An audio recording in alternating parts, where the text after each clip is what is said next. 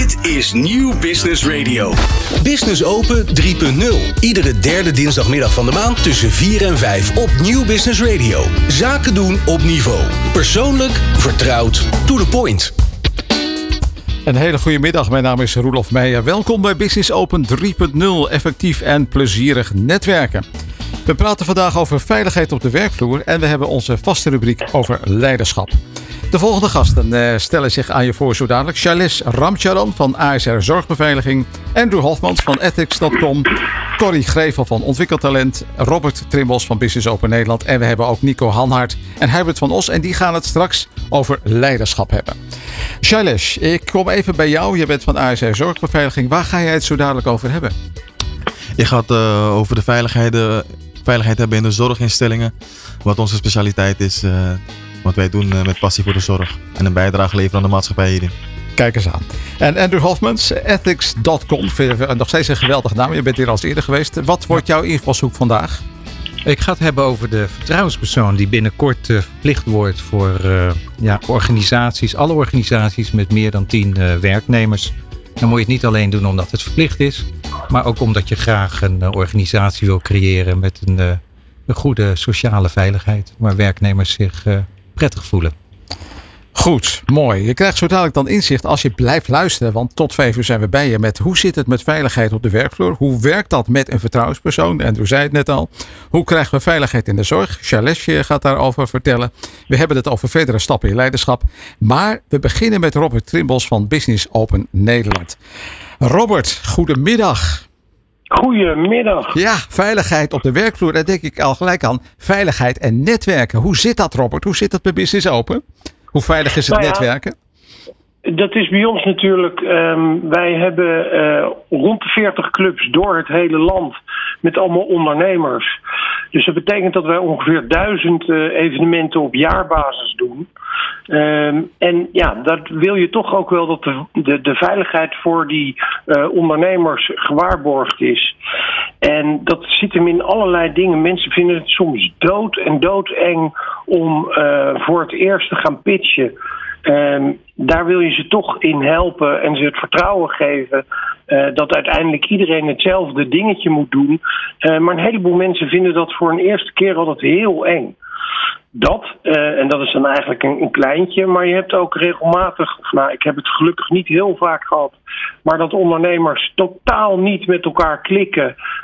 En als dat, daar moet je dan toch uiteindelijk een, een uitsluitsel over gaan vinden, omdat daar uh, ja, mensen gewoon lid zijn van een, een club met plusminus 20 man. En daar wil je niet uh, oneenigheid hebben. Ga, gaan ze wel eens Daarbij, met elkaar op de vuist? En dan, sorry? Gaan ze wel eens met elkaar op de vuist? Uh, nee, dat heb ik tot nu toe nog nooit meegemaakt. Maar ik weet wel een keer dat het heel weinig geschild had, oh, heeft. Ja. en een laatste, dat vind ik eigenlijk ook wel belangrijk. Um, onze voorzitters, dat zijn ook allemaal ondernemers die het leuk vinden om zo'n tafel voor te zitten. Um, en die hebben natuurlijk ook te maken met die conflicten. Uh, maar dat probeer ik wel altijd zoveel mogelijk, of eigenlijk altijd gewoon uh, ze daar buiten te houden. Uh, dat die conflicten worden gewoon door Business Open zelf opgelost. Het is niet zo dat onze voorzitters daar ook in betrokken worden. Want nogmaals, ook zij zijn gewoon leden. Ja, en dan iets, iets als wat, wat je natuurlijk in heel veel plekken hoort qua onveiligheid, dat is ja, seksueel. komt zoiets ook voor? en wat doe je daartegen? Um, ik heb het een paar keer aan de hand gehad. En uh, ja, het enige wat je daaraan kan doen is uh, desbetreffende persoon uh, daarmee confronteren. En eigenlijk zo snel mogelijk royeren. Je moet natuurlijk wel 100% zeker weten dat het klopt wat je zegt. Um, en als dat niet zo is, want dat heb ik ook een keer gehad. Ja, dan weet je, dat kan heel schadelijk zijn. Um, heb ik uiteindelijk met de desbetreffende persoon ook overeengekomen dat hij ergens anders lid is geworden. En dat is verder allemaal prima verlopen. Mm -hmm. Maar ja, je, je moet er heel voorzichtig mee zijn. Je had het net over die voorzitters. Jullie hebben ook regelmatig overleg. Uh, breng je dan die veiligheid, die onderlinge veiligheid, ook structureel uh, in je overleg in? Heel af en toe uh, doe ik dat, mocht het aan de hand zijn. Gelukkig hebben we het eigenlijk bijna nooit. Ehm, ik heb het laatst een keer gehad dat er een, eh, iemand lid was bij een club. En dat, dat werkte gewoon niet. Het ging echt helemaal niet. En ehm, we moesten uiteindelijk afscheid nemen van desbetreffende persoon. Uh, omdat het gewoon niet ging. Uh, ja, en dat wil ik gewoon buiten mijn voorzitters om. Ik vind niet dat de voorzitters daar uh, verantwoordelijk voor moeten zijn. maar daar hebben we wel degelijk gesprekken over. Want uiteindelijk zijn zij degene die de tafel leiden. En zij zijn degene die voor een heel groot deel ook de sfeer bepalen. En dus ook zien hoe die sfeer gaat. En hoe dat met elkaar ja, op, een, op, een, op een hele prettige manier werkt. En op het moment dat dat niet zo is, ja, dan moet je denk ik wel ingrijpen. Ik denk dat je helemaal gelijk hebt, Robert. Uh, Dank je wel. Veilig netwerken dus met Business Open. Dat mag ik denk ik wel stellen. Ja, hè? ja vind ik wel. Okay. En ik hoop mijn leden ook. Vast wel. Dank je wel, Robert Trimbos. Graag gedaan. Ontbijten, lunchen, gunnen, inspireren. Aangenaam effectief netwerken. Business Open. Veiligheid in de zorg. Charles Ramcharan van ASR Zorgbeveiliging. Je zei het net al, Charles. Uh, we gaan het even over de zorg hebben. Veiligheid in de zorg. Welke problemen spelen er nou ten aanzien van veiligheid in de zorg? Nou, um, wij bewaken momenteel instellingen. Um, ja, voornamelijk GGZ-instellingen waar mensen toch wel verward uh, ziek zijn. Hè, Ja. En uh, psychiatrische ziektebeelden voorkomen. Ja. Uh, deze cliënten kunnen dan ook agressief reageren. En Ja. dan moet je mensen hebben die de veiligheid waarborgen voor de zorgverlener. Eh, en hoe doe je dat? Eh, zijn dat de, de bewakers die ik in die uniformen rond zie gaan? Nou, in een vrij neutrale uniform om daarmee te beginnen. Want Ah, eh, alle oh. stickers en plakkers, dat, dat kan natuurlijk ook averechts werken in, eh, deze instellingen. Wat, wat is dan een neutraal uniform? Nou, dat we wel werken met een bedrijfslogo, maar het, het woordje security zeg maar op de achterrug of voorkant, Ah ja. dat laten we toch wel weg. We willen toch wel een band bouwen met deze cliënten. Ja. En zorgen vooral dat hè, de rust terugkeert, eh, eh, zodat de artsen, de verpleegkundigen deze mensen kunnen helpen. Hè. Voor, voordat ze geholpen kunnen worden aan de behandeling, moet er eerst gesproken worden. Ja, wat, wat, wat doen jullie mensen dan in zo'n GGZ-instelling? Nou, we verwelkomen eh, deze cliënten eh, binnen deze instellingen. Ja. En we, zo, we leggen ze uit waar ze zijn gebracht. eh, waar- Een soort gast, gastvrouw, scha- gastheerschap? Ja, klopt helemaal. Dat is belangrijk. Ik zeg ook altijd, we zijn eerst de gast, heer, vrouw en dan een beveiliger. Ah ja, oké. Dus dat vind ik ook een hele mooie slogan voor ons bedrijf, hoe we erin zitten. Maar wat namelijk belangrijk is, dat je mensen geruststelt. Hè? Men komt soms binnen in een hele gesloten instelling en dat men denkt van ja, ik ben hier in een politiebureau. Dat is niet het geval. Je bent hier uit zorg. Men maakt zorgen om je, daarom ben je hier. Ja. En we proberen zo eh, te deescaleren en dat cliënten vooral begrijpen waarom ze daar zijn en dat we ze gewoon willen helpen. Ja. Het woordje zorg en helpen gebruiken we heel vaak eh, om, om eh, situaties veilig te maken. En e- even focussen op die problemen. Wat, wat voor problemen kom je dan tegen? Waar, waar je dus dan wat aan doet? Ehm, ja, vooral dat mensen niet eh, meewerkend zijn. Hè? Eh, dat, dat komt voor. Eh, Dus, dat- dus mensen met psychische problemen die Ja. misschien agressief worden. Ja, agressief worden. dat ze niet meer meewerken aan de behandeling. Wat wel nodig is volgens een psychiater, Ja? zeg maar. Ja. Dus het is belangrijk dat ze gaan meewerken om, voor hun herstel. Hè? Dat ze weer terug naar de maatschappij kunnen. Want daar zijn we allemaal voor daar in die instellingen. Ja, en wat is dan precies de, de onderlinge functieverdeling tussen de, de, de echte zorgverleners en jullie? Nou, wij, wij, wij zijn eigenlijk een maatje van de cliënt, zeg ik altijd zelf. We proberen toch een band op te bouwen met deze mensen. Ja. Zodat de hulpverleners de zorg kunnen bieden die er nodig is. En we zijn een beetje een tussenschakel eigenlijk eh, van deze hele proces. Dus eh, eh, een maatje, dat suggereert ook dat je heel veel aandacht hebt en ook heel veel tijd. Want je hoort in de zorg vaak dat er heel veel gebrek aan tijd is en dat ze dus dan de zorg niet kunnen leveren zoals ze die zouden willen leveren. Hoe, hoe zit dat dan bij jullie? Nou, daardoor ontstaat er meer ruimte voor de zorgverleners in deze. Wij zijn niet alleen de beveiliger, maar we ondersteunen ook de zorgverleners. Ja. Dan moet je denken aan eh, de algemene dagelijkse eh, levensbehoeften van de mensen. hè. Dat ze ook, ook vrijheid hebben om boodschappen te doen, te sporten, eh, een spelletje te spelen op de afdeling. Eh, dus dat doen onze mensen meer dan, dan alleen het veilig- beveiligen van deze locaties en de mens. Dus, dus jullie beveiligers die eh, doen ook een potje dammer mee. Ja, contact maken met de cliënt eh, is heel belangrijk. Boodschappen overbrengen naar de verpleging. Eh, ja, zo creëer je natuurlijk meer ruimte dat de verpleegkundigen en de artsen zich kunnen verder eh, kunnen gaan met de behandeling van andere patiënten die er nodig is. Ja, dit, dit, dit klinkt al als een ja, soort ei van Columbus. Hoe ben je op dit idee gekomen zo? Nou, het begint, ik ben altijd een veiligheidsman geweest. Ik begon ook bij de politie en ik kwam vaak in aanraking met deze verwarde mensen op straat. En dan bracht ik deze mensen naar een instelling waar ze beoordeeld werden. Ehm, uiteindelijk zag ik daar dat, nou, op zich, veiligheid was eigenlijk helemaal niet eh, te zien eigenlijk. Dat deden ze met hun eigen personeel in die tijd. Dus het is ook de laatste jaren dat je het uh, term zorgbeveiliging uh, eigenlijk vaker hoort. Nou, toen ben ik eigenlijk gaan denken met mijn broertje, want die zat er al in deze setting als zorgbeveiliger te werken. Ik zeg, joh, kunnen wij niet iets, iets gaan doen voor deze zorginstellingen, voor deze hulpverleners? Ja, want veiligheid voor deze hulpverleners is belangrijk. Hoe kunnen we dat gaan ondernemen om iets echt specifiek voor de zorg te doen? Ja. En zo zijn we op het idee gekomen en we hebben ons helemaal gespecialiseerd in de zorg. En, en wat is dan, uh, als je dit nou richting een zorginstelling brengt, van nou ja, om duidelijk te maken wat jullie doen, wat vertel je dan?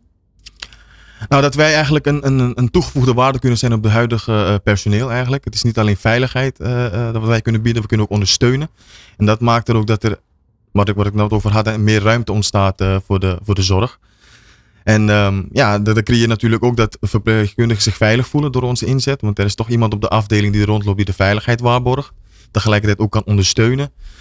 Um, ja, dat, de, de verzuim, hè, waar we de zorg ook mee te kampen heeft, uh, druk je daarmee. Want men wil zich veilig voelen. Hè, op het moment dat een verpleegkundige aan het werk is, ja, wil hij toch veilig voelen. Dat is het thema natuurlijk ook waar we het over vandaag hebben. Ja. En ik heb met mijn klanten vaker over hoe is, jouw, hoe is jouw veiligheid eigenlijk geregeld voor je mensen. Ja. Dat vind ik wel belangrijk om te weten van wat doe je eraan om die mensen te behouden, vooral in deze tijd hè, van arbeidskrapte. En vooral om de GGZ uh, zie je dat, dat, dat de mensen tekort zijn ja, dan probeer je natuurlijk ook mee te denken en te kijken van hoe kunnen we jullie helpen eigenlijk. En dat betekent dat je dus die veiligheid brengt voor de artsen, voor het verpleegpersoneel en voor de cliënten. Ja. Dus, dus, dus alle drie. Betekent dat je ook maatjes kunt worden met een arts? Nou ja, goed, dat is meer een professionele band die we met elkaar hebben. En natuurlijk, uh, in het bedrijfsleven horen natuurlijk grapjes en ja, ontstaat natuurlijk ook vriendschap. Ja. Maar het is ook uh, voornamelijk dat wij uh, ook er voor hun zijn. Hè? En, en, en dat ze ook naar ons moeten luisteren als het om veiligheid gaat. Ja. Hoe gaan wij bij wijze van een ruimte binnen? Als ik zeg, joh, we moeten hier weg, dan gaan we ook hier weg. Want ik ben verantwoordelijk, verantwoordelijk voor de veiligheid van de arts, maar ook van de patiënt. Ja. Daarentegen. Oké, okay, en dan uh, krijg ik een beetje de indruk dat je zit in, in, instellingen waar dus ook mensen zitten, zeg maar gesloten instellingen. Zit je ook nog ergens anders? Dus, dus de algemene ziekenhuizen of is het juist alleen die gesloten instelling waar je zit? Momenteel zitten we alleen voornamelijk in de gesloten instellingen, dus het GGZ. Dat ja. ligt ons heel erg goed. Ja. Kunnen we, maar goed, de ziekenhuizen, ouderenzorg, jeugdzorg zijn allemaal uh, klanten die wij kunnen bedienen. Ja. Wat, wat, wat, wat, zoek je nu? Want je hebt een bepaalde omvang. Wat, wat is jouw volgende stap als bedrijf? Nou, als het om zorgbeveiliging gaat, dat wij de partij zijn uh, binnen Nederland uh, die dat kunnen organiseren voor deze zorginstellingen. Ja. Of het nou ziekenhuizen zijn algemeen of GGZ-instellingen, jeugdzorg, dat soort zaken. Ja, dus dus wat, wat, dat betreft is het algemeen. Zit je nu ook in een bepaalde regio te werken? Voornamelijk Groot Amsterdam, zeg ik, de, doen we de grootste GGZ-instellingen. Um, in en midden van het land doen we doen we nog wel wat. Wat, wat is nou jouw grootste uitdaging in dit werk? De grootste uitdaging, ik denk dat elke bedrijf en elke ondernemer daarmee zit, is het moment het vinden van goed personeel. Vooral uh, die uh, onze vak begrijpen. Want de zorg, uh, zorgbeveiliging is toch totaal wat anders dan een evenementenbeveiliger. Bij ons gaat het wel, hoe benader je iemand die psychiatrische ziektebeelden heeft. Hè? Ziekte. Ja, ja. En wat voor soort mensen zoek je dan? Nou, men, mensenmens vooral. En die affiniteit hebben met zorg. Het is niet alleen het veiligheid, maar ook, we smeren ook een broodje voor deze cliënt. We brengen ook een kopje koffie als het moet. Uh, we denken aan alles. Uh, als het erop aankomt, uh, dan gaan we deze mensen ook wel wassen. Ja, dus je moet beslist niet in hokjes denken. Nee, zeker niet. Out of the box, absoluut. Um, als je in één zin zou kunnen aangeven wat, jullie competitive edge is, hè, waar, je in onderscheidt in Nederland in, in de zorgwereld, in de zorgbeveiliging, wat zou die ene zin dan zijn? Een hele goede vraag. Uh, daar moet ik ook even zelf opnieuw over nadenken. Maar ja, dat ik, dat ik zelf als persoon een bijdrage wil leveren aan onze maatschappij. Dat we uh, mede-oog hebben voor ons medemens. Dat we daarvoor moeten zorgen. Uh, ik doe het nu met mijn bedrijf. Maar uh, buiten mijn bedrijf ben ik, heel veel, ben ik ook een vrijwilliger voor heel veel instanties. denk aan een voetbalclub, goede doelen. probeer ik me in te zetten. Om te denken aan ons medemens vooral. Want in de hedendaagse maatschappij is dat niet altijd zichtbaar. En ik ben toch een persoon die graag aan mijn medemens denkt. En ook het zorg en veiligheid, dat is gewoon helemaal op mijn lijf geschreven. Als het daarom gaat. Mooi. Charles Ramsjalan van ASR Zorgbeveiliging. Iedere maand op Nieuw Business Radio. En meer dan duizend keer per jaar op locatie. Business Open. Vergroot je netwerk. Veiligheid op de werkvloer. Hoe zit dat eigenlijk met psychische veiligheid? Corrie Gevel is van Ontwikkeltalent. Corrie, goedemiddag. Goedemiddag, Ronald. Corrie, wat, wat kom jij zo al tegen aan onveilige situaties? Uh, wat kom ik tegen? Um, ja, dat varieert heel erg per bedrijf. Maar zodra een bedrijf iets groter wordt, dan zie je regelmatig um, dat er in teams onrust ontstaat, over mensen gesproken wordt, geoordeeld wordt zonder situaties te kennen. En dat gebeurt dan vaak binnen een team. En uh, um, ja, dat kan organisatiebreed zijn. Het is een vorm van de cultuur die uh, veiligheid moet scheppen, waardoor mensen open en eerlijk met elkaar in gesprek kunnen. Ze zeggen wel eens van nou ja, dat begint aan de top. Als het aan de top goed gaat, dan zijpelt dat wel door. Hoe kijk jij daar tegenaan? Uh, je hebt gelijk dat het inderdaad in de top uh, moet beginnen. Daar is echt een stukje voorbeeldgedrag moet daar al vandaan komen. Maar het zijpelt helaas niet vanzelf door in de, in de, in de organisatie. Uh, vanuit de top zal het echt met managers en leidinggevenden zal er gecoacht en getraind moeten worden. En zal duidelijk moeten zijn welk veiligheidsklimaat er gecreëerd moet worden. Dat past bij de organisatie. Oké. En, en hoe pak jij dat nou aan? Want jij, jij bent van ontwikkeltalent en jij pakt dit soort onveilige situaties aan, maar dan wel bij de kern, denk ik. Uh, ja, ik begin eigenlijk op, op twee plekken in de organisatie. Dat is en bij de top, hoe ervaren zij dit? Uh, uh, en wat is er al volgens de mensen die, die, in de topstructuur zitten? Mm Maar ik begin ook op de werkvloer, er op te halen. wat speelt er bij jullie? Waar kun je daarover praten? En gebeurt, voelt dat veilig voor jou? Kun jij met je leidinggevende een gesprek aangaan? Of het nu over je persoonlijke situatie is, over je ontwikkelwens of uh, over samenwerking met collega's. En daar maak ik een, een, analyse van. En dan gaan we kijken waar zitten dan hiccups. En hoe kun je dan met elkaar zorgen dat er wel een veilig klimaat gecreëerd wordt. Wat ben je nou onlangs tegengekomen op de werkvloer aan onveilige situaties? Een voorbeeld. Uh, een voorbeeld. Um, uh, een medewerker die bij zijn of haar leidinggevende had aangegeven dat ze zich graag wilde ontwikkelen als het kon binnen de organisatie. Maar als dat niet ging lukken, dat ze naar buiten ging. Mm -hmm. uh, dat doet ze uiteraard in vol vertrouwen met haar, maar met haar leidinggevende. En vervolgens wordt ze een dag later door de directeur aangesproken. Ik hoor dat jij weggaat. Zo. Ja, wegvertrouwen. Ja, inderdaad. Dus dat, en dat is dan ook lastig of niet meer te repareren. Deze dame heeft inmiddels een andere uh, baan al gevonden en gaat dus werkelijk weg. Terwijl dat niet nodig was geweest als er eerst eens naar uh, op een vertrouwelijke manier was gekeken naar wat de mogelijkheden binnen de eigen organisatie waren. Maar wat, wat leer jij nou de manager van deze medewerker? Um, behandel je mensen zoals je zelf behandeld wilt worden. Probeer je nu eens te verplaatsen in de medewerker die met een vertrouwen met jou het gesprek aangaat als leidinggevende. Uh, hoe zou jij willen uh, dat jouw leidinggevende met, met het, het verhaal omgaat? Oké, okay, dat, dat is helder. En dan aan de top kunnen natuurlijk ook dingen misgaan. Wat, wat ben je daar onlangs tegengekomen? Uh, vooral onbegrip. Wij zijn toch een veilige situatie. Wij bieden mensen allerlei kansen. We gaan er toch goed mee om. Terwijl het in de werkelijkheid niet zo blijkt te zijn. En dat is vaak echt een schok voor directieleden, bestuurders, om te ervaren dat de werkelijkheid echt anders is dan zij in hun hoofd hebben. En, en hoe komen ze dan achter? Hoe doe jij dat? Uh, door een verslag uit te brengen van wat ik opgehaald heb bij medewerkers.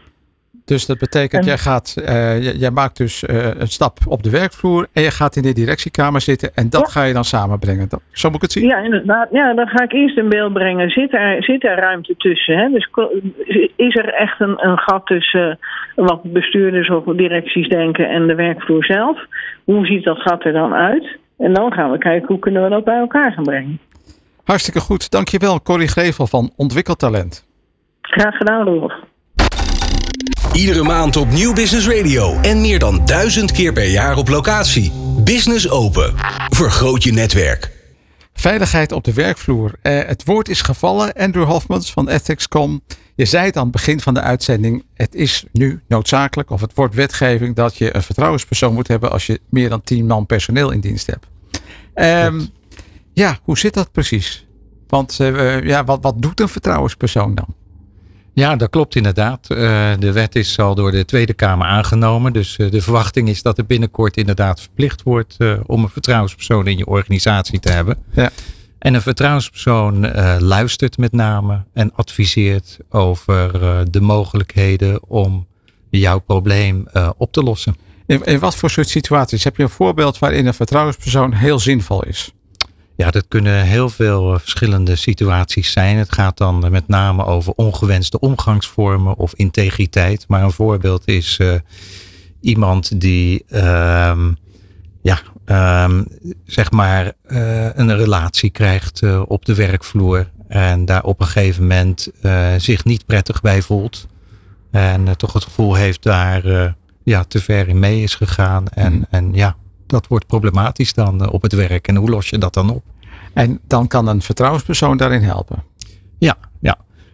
Um, een vertrouwenspersoon is uh, onafhankelijk. Is, uh, ja, daar kun je in vertrouwen mee uh, spreken. En het is ook niet de bedoeling dat een vertrouwenspersoon dat dan bespreekt met anderen in de organisatie, zoals de leidinggevende. Wordt die vertrouwenspersoon straks ook, ook beschermd, zoals je dat ook met de ondernemingsraad hebt?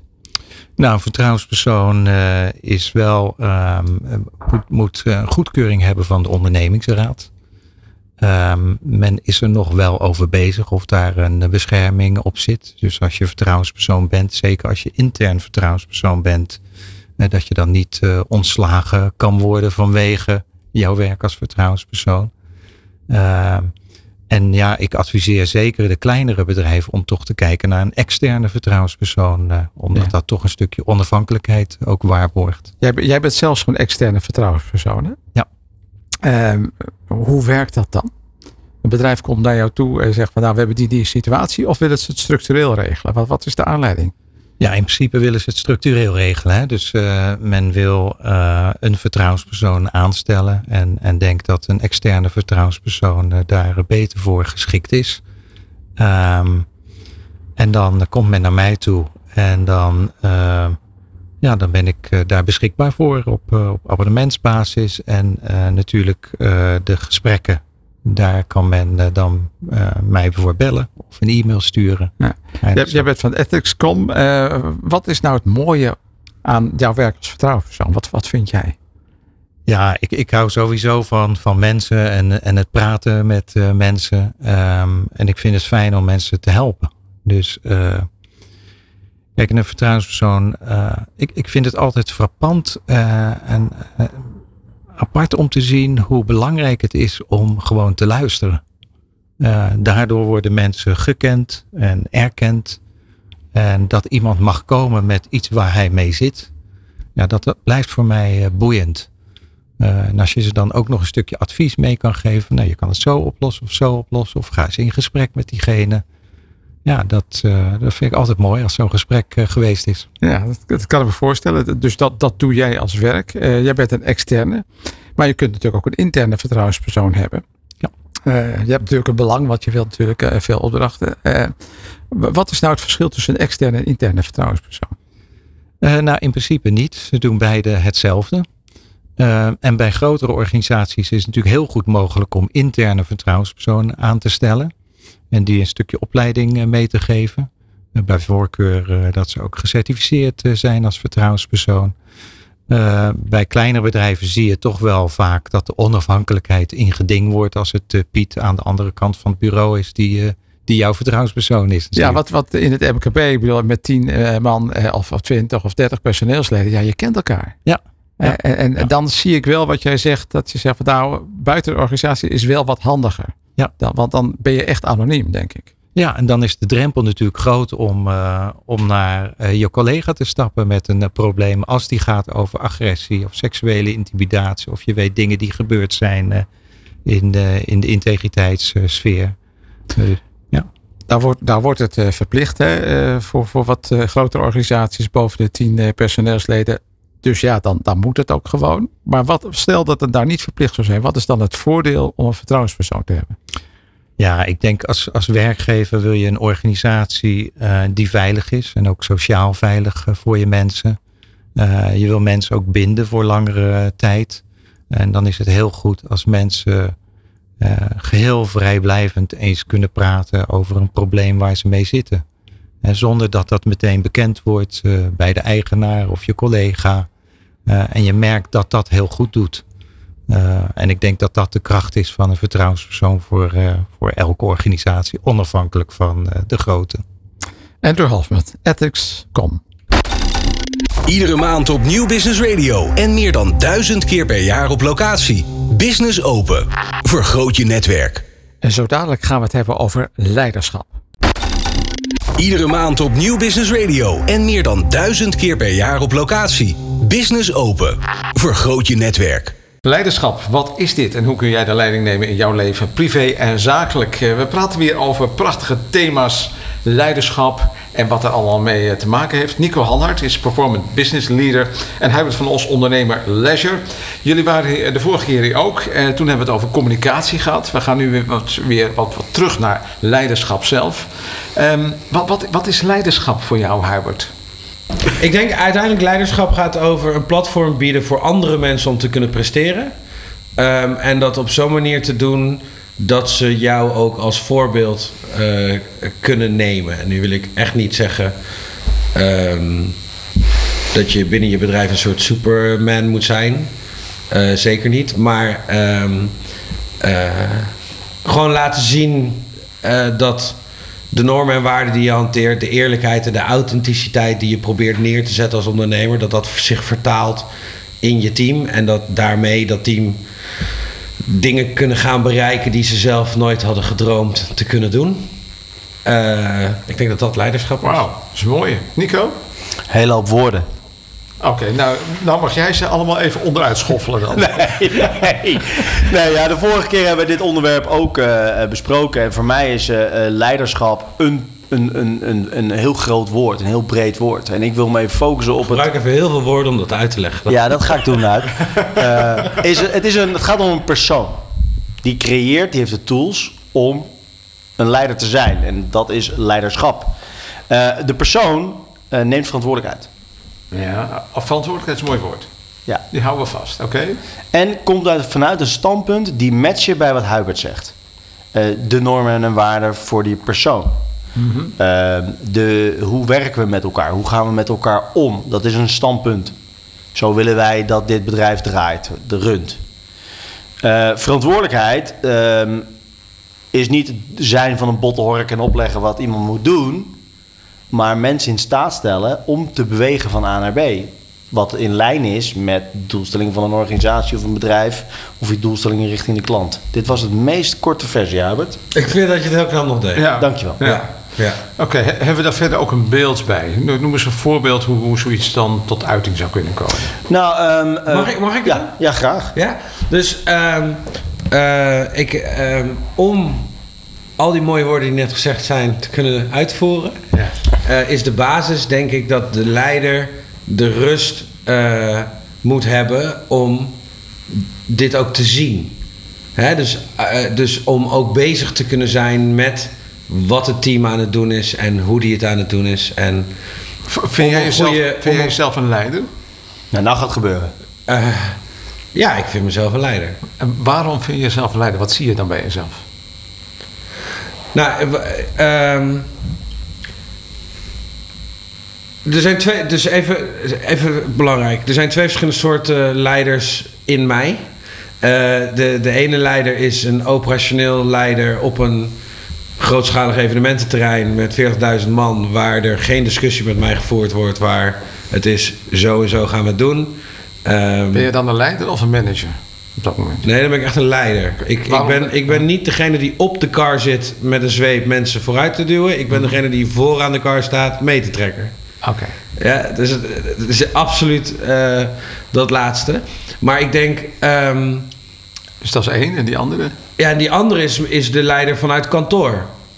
Dat is een veel meer leiding geven aan iemand die al weet wat hij aan het doen is. Zeg maar, dat is, uh, dat is veel meer een vorm van coachen. Um, enthousiasmeren misschien? Enthousiasmeren, absoluut ook. Absoluut ook. Maar uh, waar ik, wat ik net probeerde te zeggen was... de, de, de, de, de, de, de clarity van hoe, hoe je als ondernemer in de wereld staat... of in, in, de, in je leven staat op dat moment... is ook heel erg bepalend voor hoe je team presteert.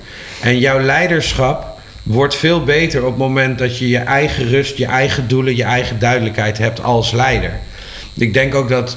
eh, eh, Sorry, ik kwam een beetje moeilijk uit mijn woorden om dit eh, neer te zetten. Maar toen ik bij Nico kwam, ik ben altijd super enthousiast geweest. Ik ben altijd een, een, een, een leider geweest. Ik heb altijd een groep mensen om me heen gehad die in mijn ideeën geloofden en met me meegingen.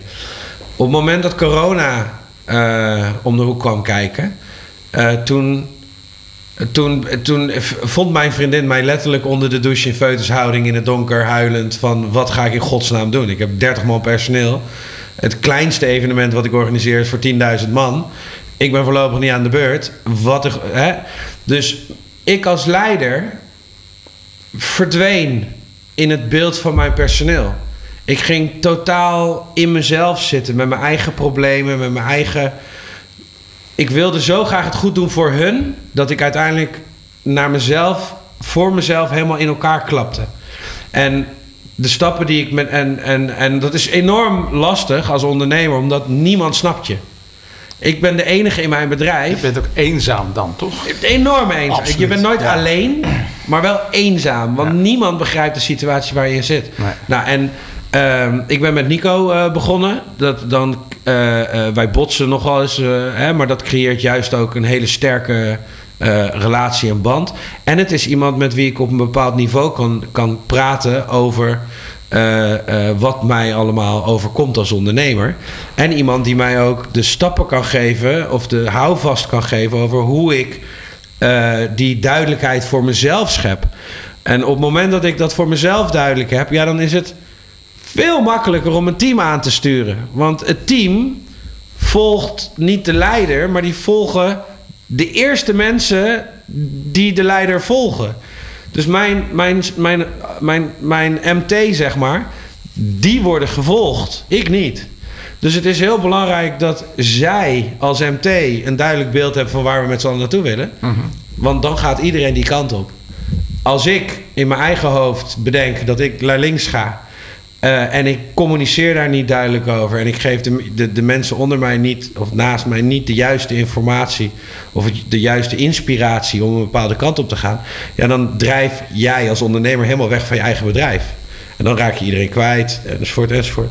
En Nico is voor mij iemand geweest de afgelopen tijd. En nou, dat gaat erg goed. Om juist ook ehm, die, die schakeling te maken richting je personeel. En om die duidelijkheid voor jezelf te creëren. Nico, jij bent performance business leader. Hè? Eh, daar zit ook het woordje leider al in. Hoe heb jij nou Hubert uit die feutushouding gekregen? Ehm eh, Hubert is een, is een ondernemer die, eh, die, heeft, die heeft een visie. Die, die, die ziet een kans, gewoon praktisch, een kans, een mogelijkheid om iets te, te veranderen in, in, in het leven of in, bij klanten. Ehm, wat ik als eerste tegen Hubert heb gezegd is: hou nou eens op met continu zo hard mogelijk naar Parijs rennen en vervolgens eh, hopen dat iedereen achter je aan rent. Want niemand heeft een idee waar je allemaal mee bezig bent. Het zit allemaal in je hoofd. Dus wat hebben we het eerste gedaan is gewoon kijken naar de feiten. Waar bevind jij je nu op, op de positie van finance? Eh, de klanten. Eh, eh, hoeveel klanten en wat is de omzet en wat is de marge? De- gewoon de hele mikmak. Vervolgens hebben we gekeken naar het MT, de personen binnen dat MT. Nou, daar zijn echt wel hele pittige gesprekken geweest eh, de eerste twee, drie maanden. eh, tot aan eh, met, emotie, boosheid, alles kwam langs. En vreugde en verdriet en knuffelen en huilen, alles kwam langs en dat is oké. Ehm, vervolgens hebben, we, hebben we samen, en niet ik, maar waar wil je naartoe? Wat wil je anders? Nou, dat, dat gaat over geld, dat gaat over personeel, dat gaat over verantwoordelijkheid nemen van binnen je team. En niet iedere keer die verantwoordelijkheid maar opleggen, maar laat zij het nemen. Nou, daar, ook daar hebben we binnen het team op gespro- over gesproken. Ik ben ook bij de medewerkers geweest, want dan hoor ik andere dingen dan dat ik alleen van Hubert hoor. Nee, want Ja, Hubert... ik wil het want het- dit is een mooie opportunity om even dit te zeggen. Dit is voor mij het verschil tussen, zeg maar, al die, even, dit gaat heel bot klinken, maar al die business coaches en meuk en al die lui die allemaal belachelijke bedragen vragen om hun mening te geven aan je. Allemaal hartstikke leuk. Maar eh, ik, ik ga daar allemaal niet voor. Want ik vind het enorm makkelijk dat je als consultant net van school afkomt en een ondernemer die al 20 jaar aan het ondernemen is, even denkt te gaan vertellen dat het op een bepaalde manier moet, omdat het zo in het boekje stond. Dat werkt voor mij niet. Waarom werkt mijn relatie met Nico? Is omdat Nico is een fixer. Als ik een probleem heb, fixt hij het. Als, hij, als ik iemand nodig heb, dan binnen twee, twee dagen heeft hij de juiste persoon voor me gevonden. Als ik conflicten heb op kantoor, dan stapt hij in de auto, rijdt hij naar kantoor en dan gaat hij met de jongens praten. Dus je bent, hij is veel meer betrokken binnen mijn onderneming als dat een standaard business coach dat is. En dit is een oproep voor iedere business coach in Nederland: van ga naar dit model kijken, want hiermee maak je een verschil. Hiermee maak je een impact. Hiermee creëer je een, een loyaliteit, waardoor de dienstverlening ook veel langer, even puur zakelijk gezien, de kans dat ik wegga bij Nico is niet zo heel groot. Hè, dat, is, dat is vanwege de manier waarop hij naar mij kijkt en naar mijn organisatie kijkt. Ik denk dat het echt ja, een Kom, af... kom, eh, kom, bij mij, kom bij mij een woord boven, wat we ook al eerder in uitzending hebben genoemd. Dus verantwoordelijkheid. Ik, ik hoor jou zeggen, eh Hubert, eh, van, nou ja, van die business coaches die een mening komen geven. Ehm, wat ik hier hoor, wat je over Nico zegt, is dat Nico verantwoordelijkheid neemt. Absoluut. Ja, en daaraan toevoegend. ehm, ik, dus ik kan alleen verantwoordelijkheid nemen over de beloftes die ik maak met mijn cliënten. En ik, ik heb glas, glas, glashelder waar mijn commitments in mijn leven liggen. En dat is even, dat is even nu niet relevant eh, hoe dat allemaal los opgebouwd, want het kost veel te veel tijd. Maar op, op nummer twee staan mijn cliënten. En dat is all in. Zeven dagen in de week, 24 uur per dag. Moet je je voorstellen, dan staat zijn vrouw dus op drie, want zijn kinderen staan sowieso op één. En, en op één staat mijn privéleven en daar zit een container in. Lekker ding. Nee, maar dat, dat is gewoon het spel wat ik speel. Kan er nog iemand met stip naar één stijgen? Of? Nee. Nee, dat is mijn. eh, dat is, ja, nee, dat kan niet. Nee, sorry. Dat, eh, dat, gaat, dat gaat niet. Dat is niet inwisselbaar. Maar je, er staat geen getal tegenover ook nog. Dat is niet opkoopbaar ook. Nee, nee dus dat is wel. eh, ja, ik speel het spel all in. Ja. Ja. En dat demonstreer ik. ja. Eh, dus bij mij is een ja en ja. En eh, ja, ik ben ook wel eens mens, dus ik kan het wel eens eh, vergeten. Maar dat, dat, is, eh, dat is niet zo heel groot. Wat, wat heb jij nou bij Hubert ontdekt ten aanzien van leiderschap? Wat heb, wat heb je zelf daarvan geleerd? Wat ik van Hubert heb geleerd. Ja. Ja, dat vind ik een hele mooie vraag. De kracht van de Hubert naar mij toe is dat Hubert mij ook beweegt om eens te kijken naar eh, omdenken, om maar eens wat te doen. ja, dus wat ga ik dan doen? Nou, dat, dat, dat, dat valt dan, of situational management, dat valt dan en dan ga ik, dan ga ik dus opzoeken. Ah, ja. En dan zeg ik, dan zeg ik het ook. Hè? Dan ga ik niet stoer lopen doen met... ja, dat wist ik het. Nee, dat wist ik wel. Nee, nee.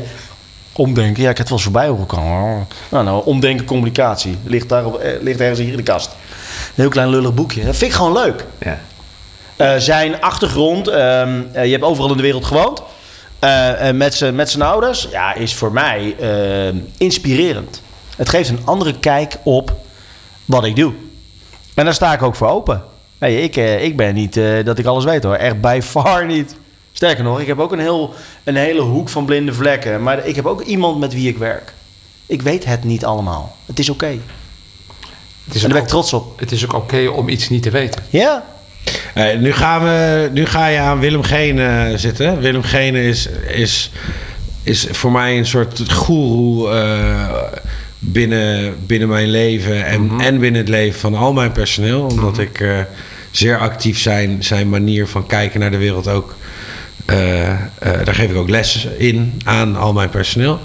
Ehm, en dat gaat inderdaad over ehm, het feit dat, dat als dus even, hè, er, er ontstaat een situatie. ehm, jij weet niet wat het antwoord is. Nou, dan is het heel makkelijk om daar onzeker over te worden. Eh, en van onzekerheid ga je naar. eh, eh, nou, kan je boos worden bijvoorbeeld? Of kan je onbegrip gaan tonen? Of kan je uiteindelijk apathisch worden? En dus het interessante is dat het oké zijn met iets niet weten.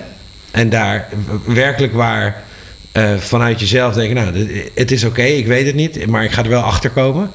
Eh, dat geeft al juist zelfverzekerdheid.